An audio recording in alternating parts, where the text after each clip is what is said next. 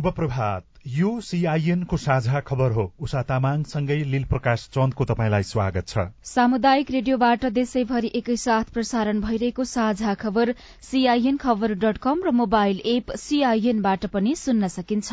आज दुई हजार उनासी साल पुष पन्ध्र गते शुक्रबार डिसेम्बर तीस तारीक सन् दुई हजार बाइस नेपाल सम्बत एघार सय त्रिचालिस पौष शुक्ल पक्षको अष्टमी तिथि आज तोल लोछार साझा खबरमा प्रमुख खबरका शीर्षकहरू। सरकारले पाँच दिनभित्र न्यूनतम साझा कार्यक्रम सार्वजनिक गर्ने नयाँ सरकारसँग मिलेर काम गर्न भारत इच्छुक एकीकृत परिचय पत्रमा सोह्र अर्ब खर्च राहदानी लिन नागरिकलाई शास्ति। कार्यविधि विपरीत खटिएका दुई सय एक्काइस सुरक्षाकर्मी फिर्ता। हिमाली जिल्लामा कार्यरत सशस्त्र प्रहरीलाई न्यानो लुगाको सुविधा एक हजार जीवित शिशुको जन्म हुँदा एक्काइस जनाको मृत्यु। धान उत्पादन पोहोर भन्दा बढ़्यो। दर्ता नभएका मोबाइल आजदेखि नचल्ने। कोविड उन्नाइस विरूद्धको बुस्टर मात्राका लागि वाइ हेलिन्ट खोपलाई अनुमति। उज्वेकिस्तानमा कप सिरप सेवनबाट अठार बाल बालिकाको मृत्यु। रूसद्वारा युक्रेनमा सय भन्दा बढ़ी क्षेप्यास्त्र प्रहार। भारत र अस्ट्रेलिया बीच स्वतन्त्र व्यापार सम्झौता लागू। र महान फुटबल खेलाड़ी पेलेको निधन। नेपाल टी ट्वेन्टी क्रिकेटमा आज पनि दुई खेल हुने। आहा रारा गोल्ड कपमा आज नेपाल पुलिस अनि चर्च बोइज खेल्दै।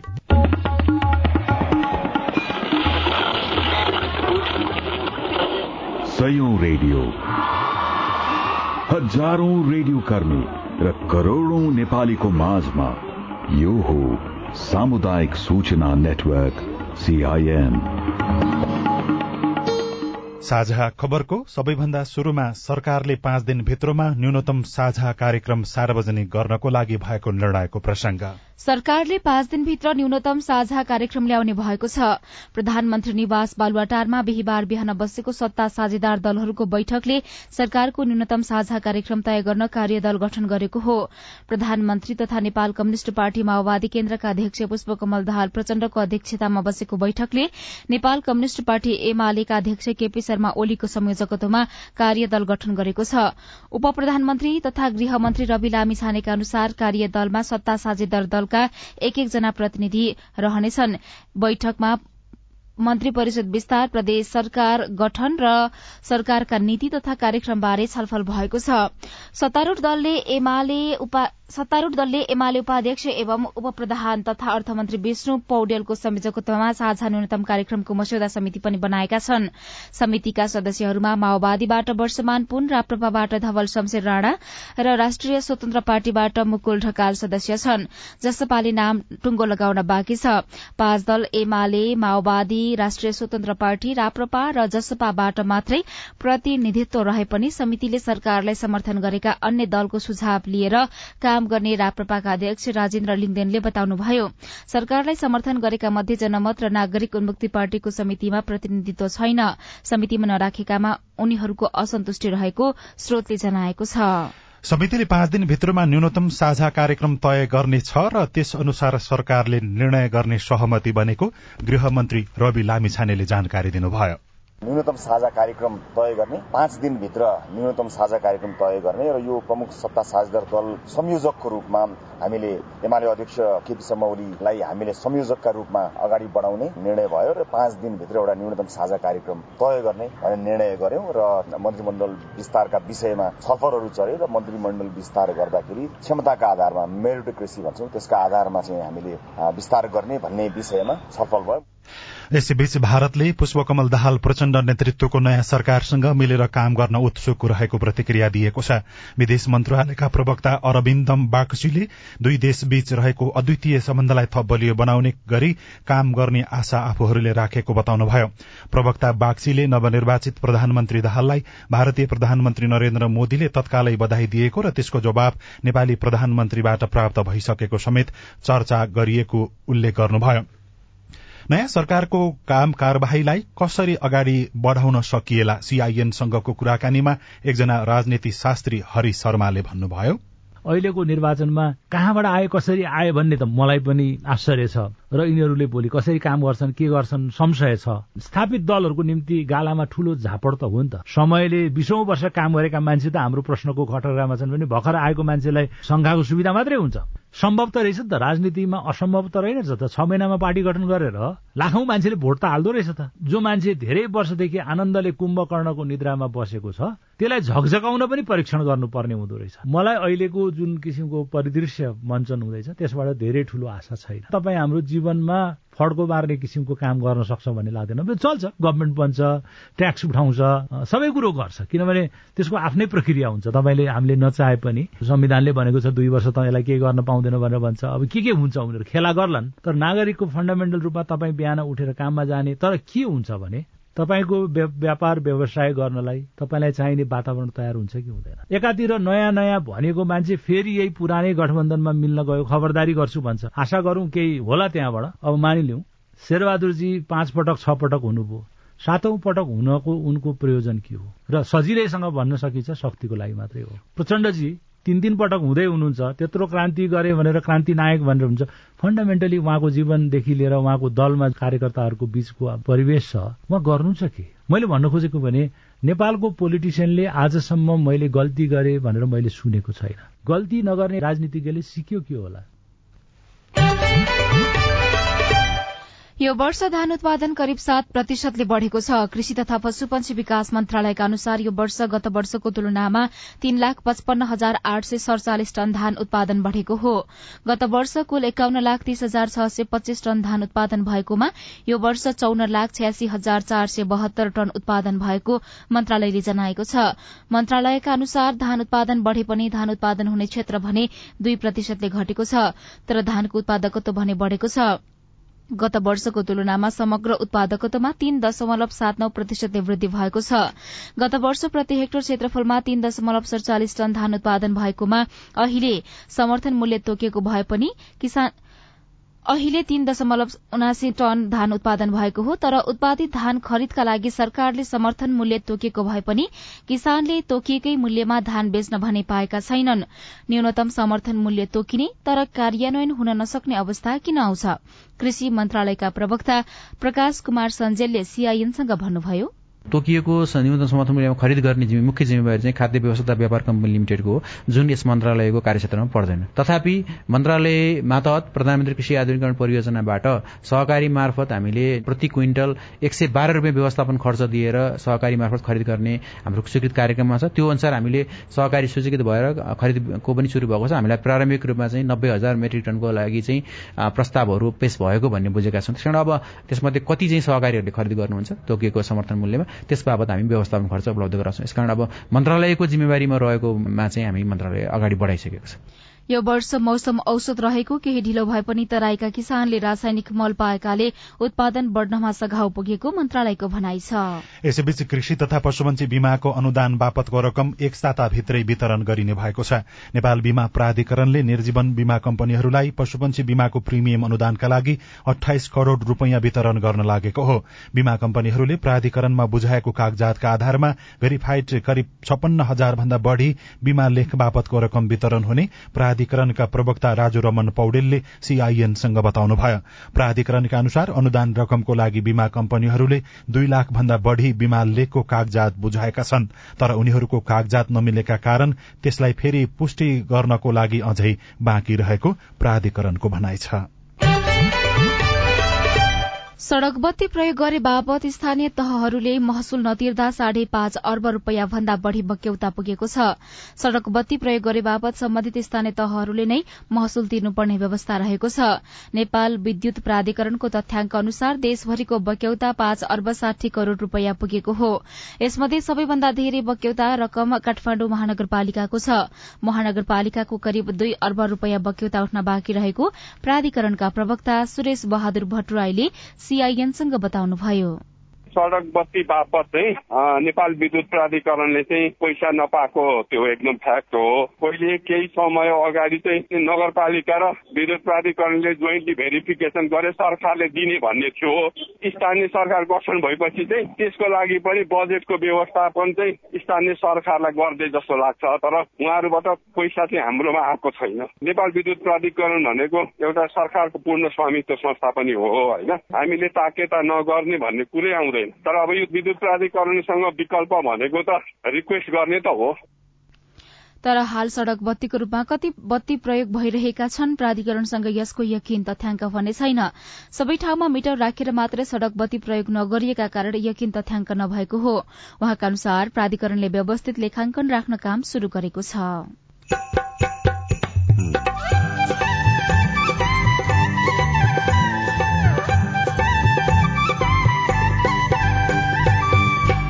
सामुदायिक सूचना नेटवर्क सीआईएन मार्फत देशभरि प्रसारण भइरहेको साझा खबरमा द्रुत मार्गबाट राहदानी बनाउँदा पनि शास्ति।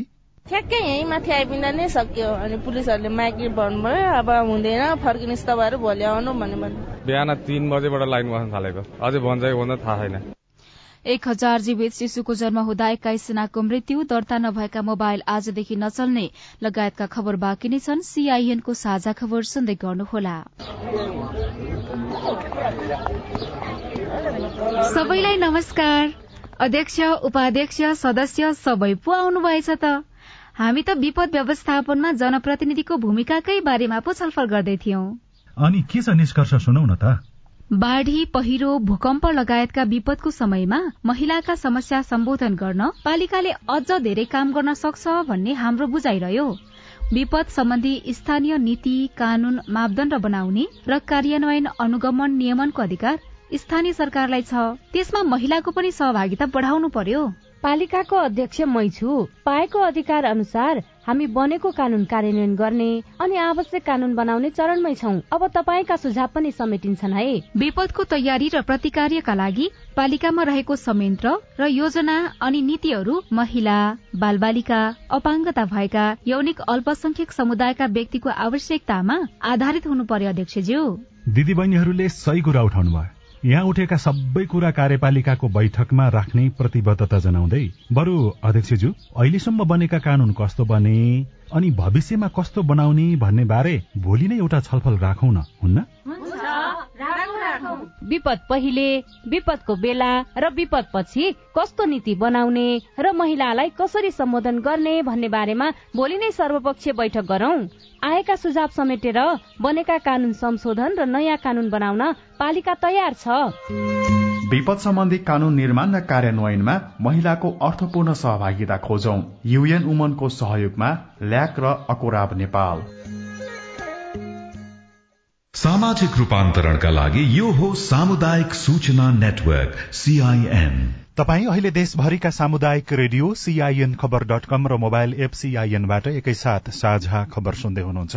मोबाइल एप नेपाली पात्रोबाट पनि सीआईएनको साझा खबर सुनिरहनु भएको छ। अब आज काठमाडौँबाट प्रकाशित पत्र पत्रिकाको खबर। कान्तिपुर दैनिकमा कार्यविधि विपरीत खटिएका दुई सय एक्काइस सुरक्षाकर्मी फिर्ता शीर्षकमा मातृका दाहाल लेख्नुहुन्छ। राजनीतिक दलका नेता बहालवाला तथा पूर्व प्रशासकको सुरक्षा र सवारी चालकका रूपमा खटिँदै आएका दुई सय एक्काइस सुरक्षाकर्मी फिर्ता भएका छन्। गृह मन्त्रालयले कार्यविधि विपरीत खटिएका सुरक्षाकर्मीलाई अडचालिस घण्टाभित्र फिर्ता गर्न मंगलबार नेपाल र सशस्त्र प्रहरी मुख्यालयलाई निर्देशन दिएपछि नेपाल प्रहरीका एक सय तीन र सशस्त्र प्रहरीका एक सय अठार जना फर्किएका हुन्। पूर्व सभामुखद्वय रामचन्द्र पौडेल र सुभाष चन्द्र नेवाङ पूर्व उप प्रधान तथा गृह मन्त्रीहरू विजय कुमार गच्छुदार र वामदेव गौतम पूर्व गृह मन्त्री शक्ति बहादुर बस्नेत र कृष्ण प्रसाद सिटौला पूर्व अर्थमन्त्री रामशरण महत पूर्व ऊर्जा मन्त्री प्रकाश शरण महत लगायतको निवास तथा व्यक्तिगत सुरक्षा र चालकका रूपमा खटिएका जनशक्ति फिर्ता भएका हुन्। सोही पृष्ठमा घटेन नवजात शिशु मृत्यु दर शीर्षकमा विद्या राई लेख्नुहुन्छ। सुत्केरी बेथाले च्यापेर घरमै बच्चा जन्माउन नसकेपछि हुम्लाकी सलिना सार्कीलाई जिल्ला अस्पताल पुर्याइयो। शल्यक्रियापछि जीवितै जन्मिएको शिशुको बेलुकी पख मृत्यु भयो। शल्यक्रिया गरेको दुई दिनसम्म आमाको स्वास्थ्यमा सुधार आइसकेको थियो। साझ अचानक समस्या देखियो। उनको उद्धार र विशेषज्ञ उपचारका लागि राष्ट्रपति हवाई उद्धारको हेलिकप्टर बोलाइयो तर राति भइसकेकाले तत्काल हेलिकप्टर पुगेन। शल्यक्रियाको तीन दिनमा सुत्केरीको मृत्यु भयो। प्रसूति गृहकी इन्चार्ज वरिष्ठ अनमी सरिता बोहराका अनुसार सलिनाको घरदेखि हिँडेर पच्चीस मिनटमा जिल्ला अस्पताल पुगिन्छ। त्यहाँ गर्भ जाँचकै बेला स्वास्थ्य जटिलता देखेर अनेत्री बच्चा जन्माउन सुझाइएको थियो। सलिनालाई रक्तचाप बढ्ने घट्ने र आँखा धमिलिने हुन्थ्यो। अझै पनि गाउँघरमा धामी झाँक्रीकै भर पर्दा सुत्केरी र नवजात शिशुले ज्यान गुमाउने गरेका छन्। एक हजार जीवित शिशुको जन्म हुँदा एक्काइसजनाको मृत्यु हुने गरेको तथ्याङ्क सार्वजनिक भएको छ। सोही पृष्ठमा एकीकृत परिचय पत्रमा सोह्र अर्ब बस सर्वसाधारण भोग प्यासै लाइन शीर्षकमा खबर छापिएको छ नेपालको राष्ट्रिय बाध्यता के हो? लाइन। नागरिकता लिन लाइन सवारी चालक अनुमति पत्र लिन लाइन मतदाता परिचय पत्र बनाउन लाइन अस्पतालमा लाइन देशमा दुःख भयो विदेश जान्छु भनेर राहदानी बनाउँदा पनि लाइन। विदेशको भिजा आइसकेपछि श्रम स्वीकृति लिन पनि लाइन। सार्वजनिक सेवा लिन दिगदार लाग्दो लाइनमा बस्नुपर्ने बाध्यता टार्न नागरिकले बिचौलियालाई पैसा तिर्नुपर्छ जबकि सबै सेवालाई डिजिटल बनाउन राष्ट्रिय परिचय पत्र बनाउन थालिएको तेह्र वर्ष भएको छ। आयोजनामा राज्य कोषबाट सोह्र अर्ब खर्च भए पनि सर्वसाधारण लाइनमै छन्। घनश्याम खड्काले खबर लेख्नु भएको छ। गोर्खापत्र दैनिकमा बढ़न थाल्यो कोरोना संक्रमण शीर्षकमा सरोज ढुङ्गेलले खबर लेख्नु भएको छ। छिमेकी मुलुकमा कोविड उन्नाइस संक्रमण तीव्र रूपमा बढ़दै गएपछि नेपालमा पनि शून्यमा झरेको कोविड उन्नाइसका संक्रमित बढ़न थालेका छन्। हिजो मात्रै चौधजना व्यक्तिलाई कोविड उन्नाइस पुष्टि भयो। स्वास्थ्य तथा जनसंख्या मन्त्रालयका सहप्रवक्ता डाक्टर समीर कुमार अधिकारीले एकै दिनमा कोविड उन्नाइस संक्रमित बढ़ेकाले नेपालमा नयाँ भेरिएन्ट हो भन्न नमिल्ने बताउनुभयो। यसैबीच औषधि व्यवस्था विभागले कोविड उन्नाइस विरूद्ध बुस्टर बुस्टर डोजका लागि फाइजरको वाइ भ्यालेन्ट खोपलाई आपतकालीन प्रयोगका लागि अनुमति दिएको छ। अब नेपालमा फाइजरको नयाँ खोप ल्याउन सहज भएको छ। औषधि व्यवस्था विभागका प्रवक्ता सन्तोष केसीले औषधि सल्लाहकार समितिको चौनौ बैठकले वाइ भ्यालेन्ट खोपलाई आपतकालीन प्रयोगका लागि अनुमति दिएको जानकारी दिनुभयो। अर्को खबर दर्ता नभएका मोबाइल आजदेखि नचल्ने शीर्षकमा छ। मोबाइल डिभाइस म्यानेजमेन्ट सिस्टम प्रणालीमा दर्ता नभएका मोबाइल आजदेखि चल्ने छैनन्। नेपाल दूर संचार प्राधिकरणले पुष पन्ध्र गतेदेखि शुक्रबारदेखि पूर्ण रूपमा सञ्चालनमा ल्याउन लागेको एमडीएमएस प्रणालीमा दर्ता नभएका त्यस्ता मोबाइललाई अवैध घोषणा गरेर मोबाइल नेटवर्क प्रयोग गर्न नमिल्ने बनाउन लागि हो। नयाँ पत्रिका दैनिकमा नवराज मैनाली लेख्नुहुन्छ उच्च हिमाली क्षेत्रमा खटाइएका सशस्त्र प्रहरीले हिमाली जुस्ता र डाउन ज्याकेट पाउने भएका छन्। सरकारले सशस्त्र प्रहरी नियमावली संशोधन गरी उनीहरूले पाउने स्केलका सामानमा संशोधन र थप गरेको हो। यसअघि उच्च हिमाली क्षेत्रमा कार्यरत सशस्त्र प्रहरीलाई जाडो छेक्ने पोसाक थिएन। स्नो पार्क ज्याकेट मात्र दिने गरिएको थियो। यो प्रभावकारी नभएपछि डाउन ज्याकेट पनि दिने निर्णय गरिएको हो। त्यस्तै यसअघि कटन प्याडेट युनिफर्म सूट दिने गरिएकोमा संशोधन गर्दै हिमाली चुस्ता दिने निर्णय भएको छ। कटन प्याडेट युनिफर्म यसअघि प्रयोगमै आउन सकेको थिएन। बाह्रै महिना उच्च हिमाली क्षेत्रको सीमा सुरक्षामा खटाउने गरी यसरी पोशाक सम्बन्धी सुविधा संशोधन गरिएको हो। भित्री पन्नामा कांग्रेसमा अन्तर्घातका साढे चार सय उजुरी शीर्षकमा केशव प्रसाद पाण्डेले लेख्नु भएको छ चार मंगिरमा सम्पन्न प्रदेश र प्रतिनिधि सभा निर्वाचनमा पार्टीका उम्मेद्वार विरूद्ध अन्तर्घात गरेको आरोपमा कांग्रेसमा साढे चार सय जना विरूद्ध उजुरी परेको छ। कांग्रेसका अनुसार छत्तीस जिल्ला प्रदेश हुँदै ती उजुरी केन्द्रीय अनुशासन समितिमा आइपुगेका हुन्। नेवी संघले पुष मसान्तभित्रै पूर्णता पाउने बारेको अर्को खबर पनि छ। राजधानी दैनिकमा भने बयालिस लाख अस्सी हजार डोज कोल्ड स्टोरमै थन्कियो शीर्षकमा महेश्वर गौतम लेख्नुहुन्छ सात प्रदेश सहित स्वास्थ्य सेवा विभागको कोल्ड स्टोरमा सत्तालिस लाख डोज भन्दा बढ़ी खोप थन्किएको पाइएको छ। त्यसमध्ये साइनोभ्याक र भेरोसिल गरेर बयालिस लाख अस्सी हजार मात्रा खोप थन्किएको छ। यो संख्यामा मौजदात रहेको खोप खेर जाने अवस्थामा समेत रहेको भनेर खबरमा उल्लेख गरिएको छ। साझा खबरमा अब हेलो सीआईएन सुनिल राज भारतबाट।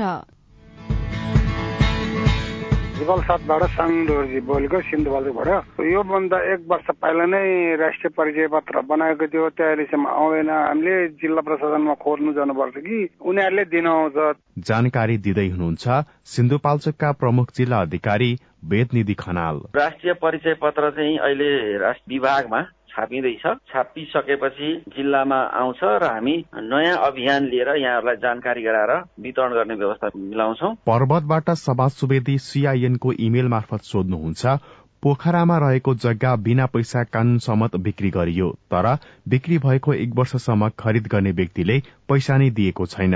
यस्तो अवस्थामा के गर्न सकिन्छ होला?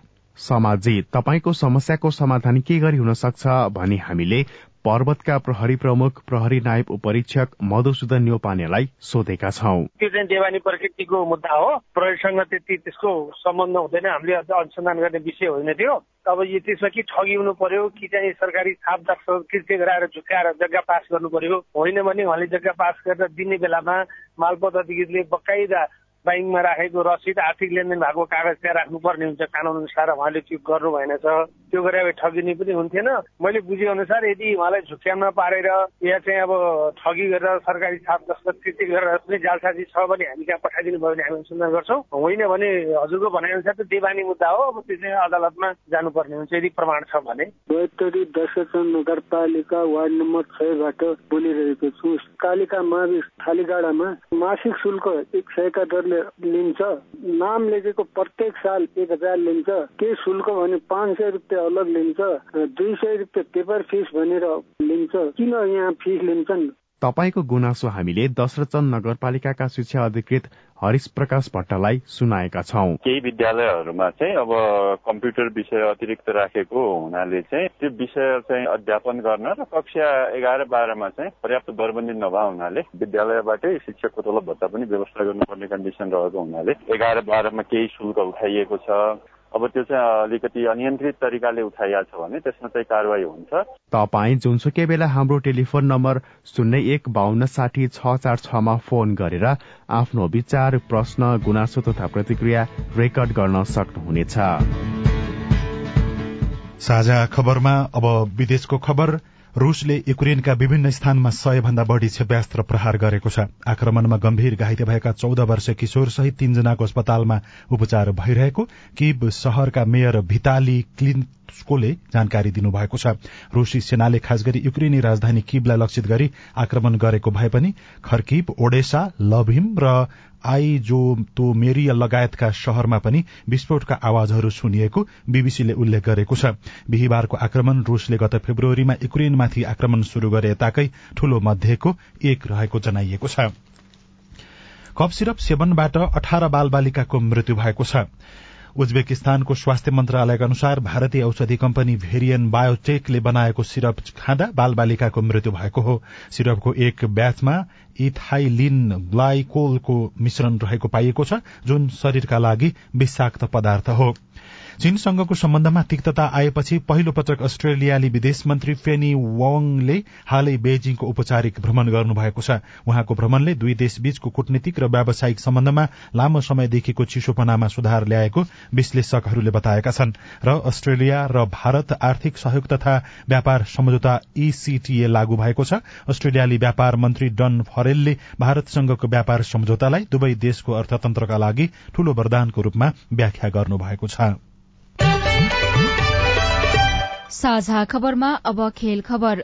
महान ब्राजिलियन फुटबलर पेलेको निधन भएको छ। क्यान्सर पीड़ित उहाँको बयासी वर्षको उमेरमा गई राति ब्राजिलकै साओ पाउलोको अल्बर्ट आइन्स्टाइन अस्पतालमा निधन भएको बीबीसीले जनाएको छ। पेलेले ब्राजिललाई सन् उन्नाइस सय अन्ठाउन्न उन्नाइस सय बैसठी र उन्नाइस सय सत्तरीमा गरी तीन पटक फिफा विश्वकपको उपाधि दिलाउनु भएको थियो। तीन पटक विश्वकप उपाधि जित्ने एकमात्र खेलाड़ी पेलेलाई सन् दुई हजारमा FIFA player of the century घोषणा गरिएको थियो। पेलेले ब्राजिलका लागि बयानब्बे खेलमा सतहत्तर गोल गर्नुभएको थियो। नेपाल टी ट्वेन्टी क्रिकेट प्रतियोगितामा आज पनि दुई खेल हुँदैछन्। आज बिहान नौ बजे काठमाण्डु नाइट्स र लुम्बिनी अल स्टार तथा दिउँसो एक बजे फार वेस्ट युनाइटेड र पोखरा एभेन्जर्स खेल्नेछन्। दुवै खेल किर्तिपुर मैदानमा हुनेछ। र आयोजक सहारा क्लब बाइसौं आहारा गोल्ड कप बाइसौं आहारा पोखरा गोल्ड कप फुटबल प्रतियोगिताको पहिलो खेलबाट बाहिरिएको छ। पोखराको फुटबल मैदानमा हिजो उद्घाटन खेलमा सहारा धरान फुटबल क्लबसँग एक शून्यले स्तब्ध हुँदै पहिलो खेलमै सीमित भएको हो। प्रतियोगिता अन्तर्गत आज नेपाल पुलिसले चर्च बोइज युनाइटेड फुटबल क्लबको सामना गर्नेछ। राहदानी बनाउनेको भेट धेरै अरू खबर र कार्टुन पनि बाँकी नै छ। सीआईएनको साझा खबर सुन्दै गर्नुहोला। बाल विवाह विरूद्ध धर्मगुरूहरूको प्रतिबद्धता। वैदिक साहित्यमा बाल विवाह छैन। बाल विवाह हाम्रो मण्डली अन्तर्गत भएको छैन। हाम्रोमा बाल विवाह हुँदैन। यो मुद्दुमले भनेको कुरा हो र हाम्रो व्यवहारमा त्यस्तो नै छ। राधामिस गीता बाइबल कुरान वेद लगायतका सबै धर्मका ग्रन्थहरूले बाल विवाह गर्नुहुन्न भनेको भनेर धर्मगुरूले रेडियोबाट भनेको सधैँ सुन्ने गरिन्छ। तर किन बाल विवाह अन्त्य नभएको होला? हाम्रो नगरलाई बाल विवाह मुक्त गराउन अब के गर्ने होला? त्यो त हो नगर प्रमुखज्यू। भनेर मात्रै पुग्दैन। सबै धर्मका धर्मगुरूहरूले म बाल विवाह गराउने काममा संलग्न हुन्न भनेर प्रतिबद्धता जनाउने र अरूलाई पनि त्यस्तै सिकाउने कार्य गर्न सके मात्रै त्यो कार्य प्रभावकारी हुन्छ।